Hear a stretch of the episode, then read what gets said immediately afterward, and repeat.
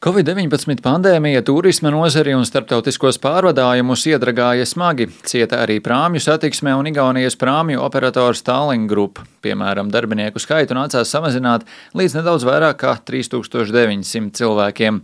Tallinn Group koncerns šogad pirmajā ceturksnī strādāja ar apgrozījumu, kas ir par 65% mazāks nekā pirmajā ceturksnī pērn, bet uzņēmuma zaudējumi pieauguši vēl par teju 14%, pārsniedzot 34 miljonus eiro.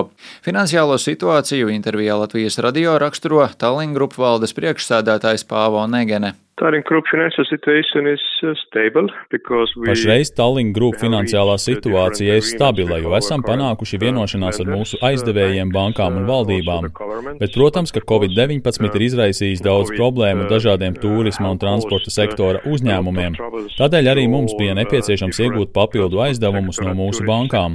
Esam vienojušies par 100 miljonu eiro aizdevumu no Igaunijas valdības, kā arī aizdevumu 100 miljonu eiro apmērā no Nordic Investment Bank un no aizdevējiem palielināti arī overdrafta limiti. Pašlaik Tallink kursē vairākos maršrutos, tajā skaitā ar diviem prāmjiem un vienu kravas kuģi starp Tallinu un Helsinkiem, ar diviem kravas kuģiem no Igaunijas uz Zviedriju, kā arī ar diviem kuģiem starp Somiju un Zviedriju. Šī līnija darbojoties ar Somijas valdības atbalstu, jo tai ir svarīga krava plūsma starp abām valstīm. Lai gan plūsma šajos maršrutos ir pieaugusi, Negene uzsver, ka kopumā pieprasījums ir zems.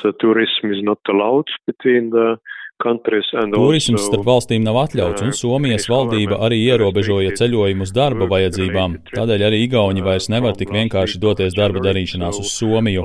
Tomēr tajā pašā laikā, ņemot vērā, ka kravas ir jāpārvadā un tas dod stabilus ieņēmumus, tas ir labāk nekā nekas. Bet mēs noteikti ceram, ka jūnija sākumā vai jūlijā situācija būs labāka vismaz starp Igauniju un Somiju.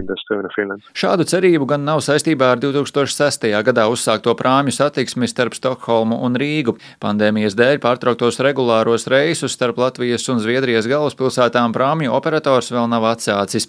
Pēdējo reizi šajā maršrutā prāmis devies decembrī, bet kopš tā laika nav pārvadāts neviens pasažieris. Šo līniju Tallinn Group šogad atjaunot neplāno. Uh, šis maršruts ir ļoti garš un tikai ar krāvas un pasažieru automašīnām šis maršruts nav izdevīgs, un šim maršrutam nav atbalsta mehānisma no Zviedrijas vai Latvijas, un mums vajadzētu to pārtraukt. Mēs šogad neatjaunosim Rīgas-Stokholmas maršrutu. Pēc tik lielas pandēmijas šī maršruta atjaunošana ar diviem prāmjiem nesot realistiska, jo riski ir ļoti augsti.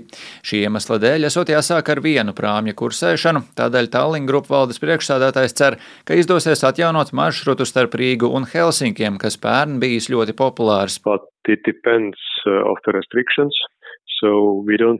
Bet tas ir atkarīgs no ierobežojumiem. Mēs joprojām nezinām, kurš un uz kādiem noteikumiem vasarā varēs iebraukt Latvijā. Cik saprotu, tad Latvijas valdība vēl nav pieņēmusi nekādus lēmumus turisma jomā par jūliju, augustu un tā tālāk. Pirmkārt, mēs gaidām, kādi būs noteikumi par iebraukšanu Latvijā, un tajā pašā laikā atklāts paliek jautājums, kāda būs situācija Latvijā ar Covid-19. Un tas nav jautājums tikai Latvijas valdībai, tas ir jautājums arī Somijas valdībai, jo maršruts ir starp Helsinkiem un Rīgu, un abām valdībām ir jāpieņem lēmumi. Ja nebūs šī informācija, vai ja valdības nebūs pieņēmušas lēmumu vēlākais līdz jūnija sākumam, tad jūlijā būs ļoti grūti atvērt jebkuru maršrutu no Rīgas. Viņš piebilst, ja neizdosies satiksmi starp Rīgu un Helsinkiem atvērt šovasar, tad tas tiks atlikts uz nākamā gada aprīli vai māju. Ja epidemioloģiskā situācija būs mainījusies, visi būs vakcinēti un visi atkal varēs ceļot brīvi bez ierobežojumiem. Tallinn grupu valdes priekšsādātājs norāda, ka Eiropā jau ir vairākas valstis, kas lēmumus par ierobežojumiem jau ir pieņēmušas un noteikušas, ka vakcinētie vai vīrusu izslimojušie cilvēki ir gaidīti viņu valstīs bez nosacījuma par karantīnu. Kā piebilst Negene, konkurence ir sīva un uzvarētāji būs tie, kas lēmumus pieņems pirmie. Rihards Plūme, Latvijas radio.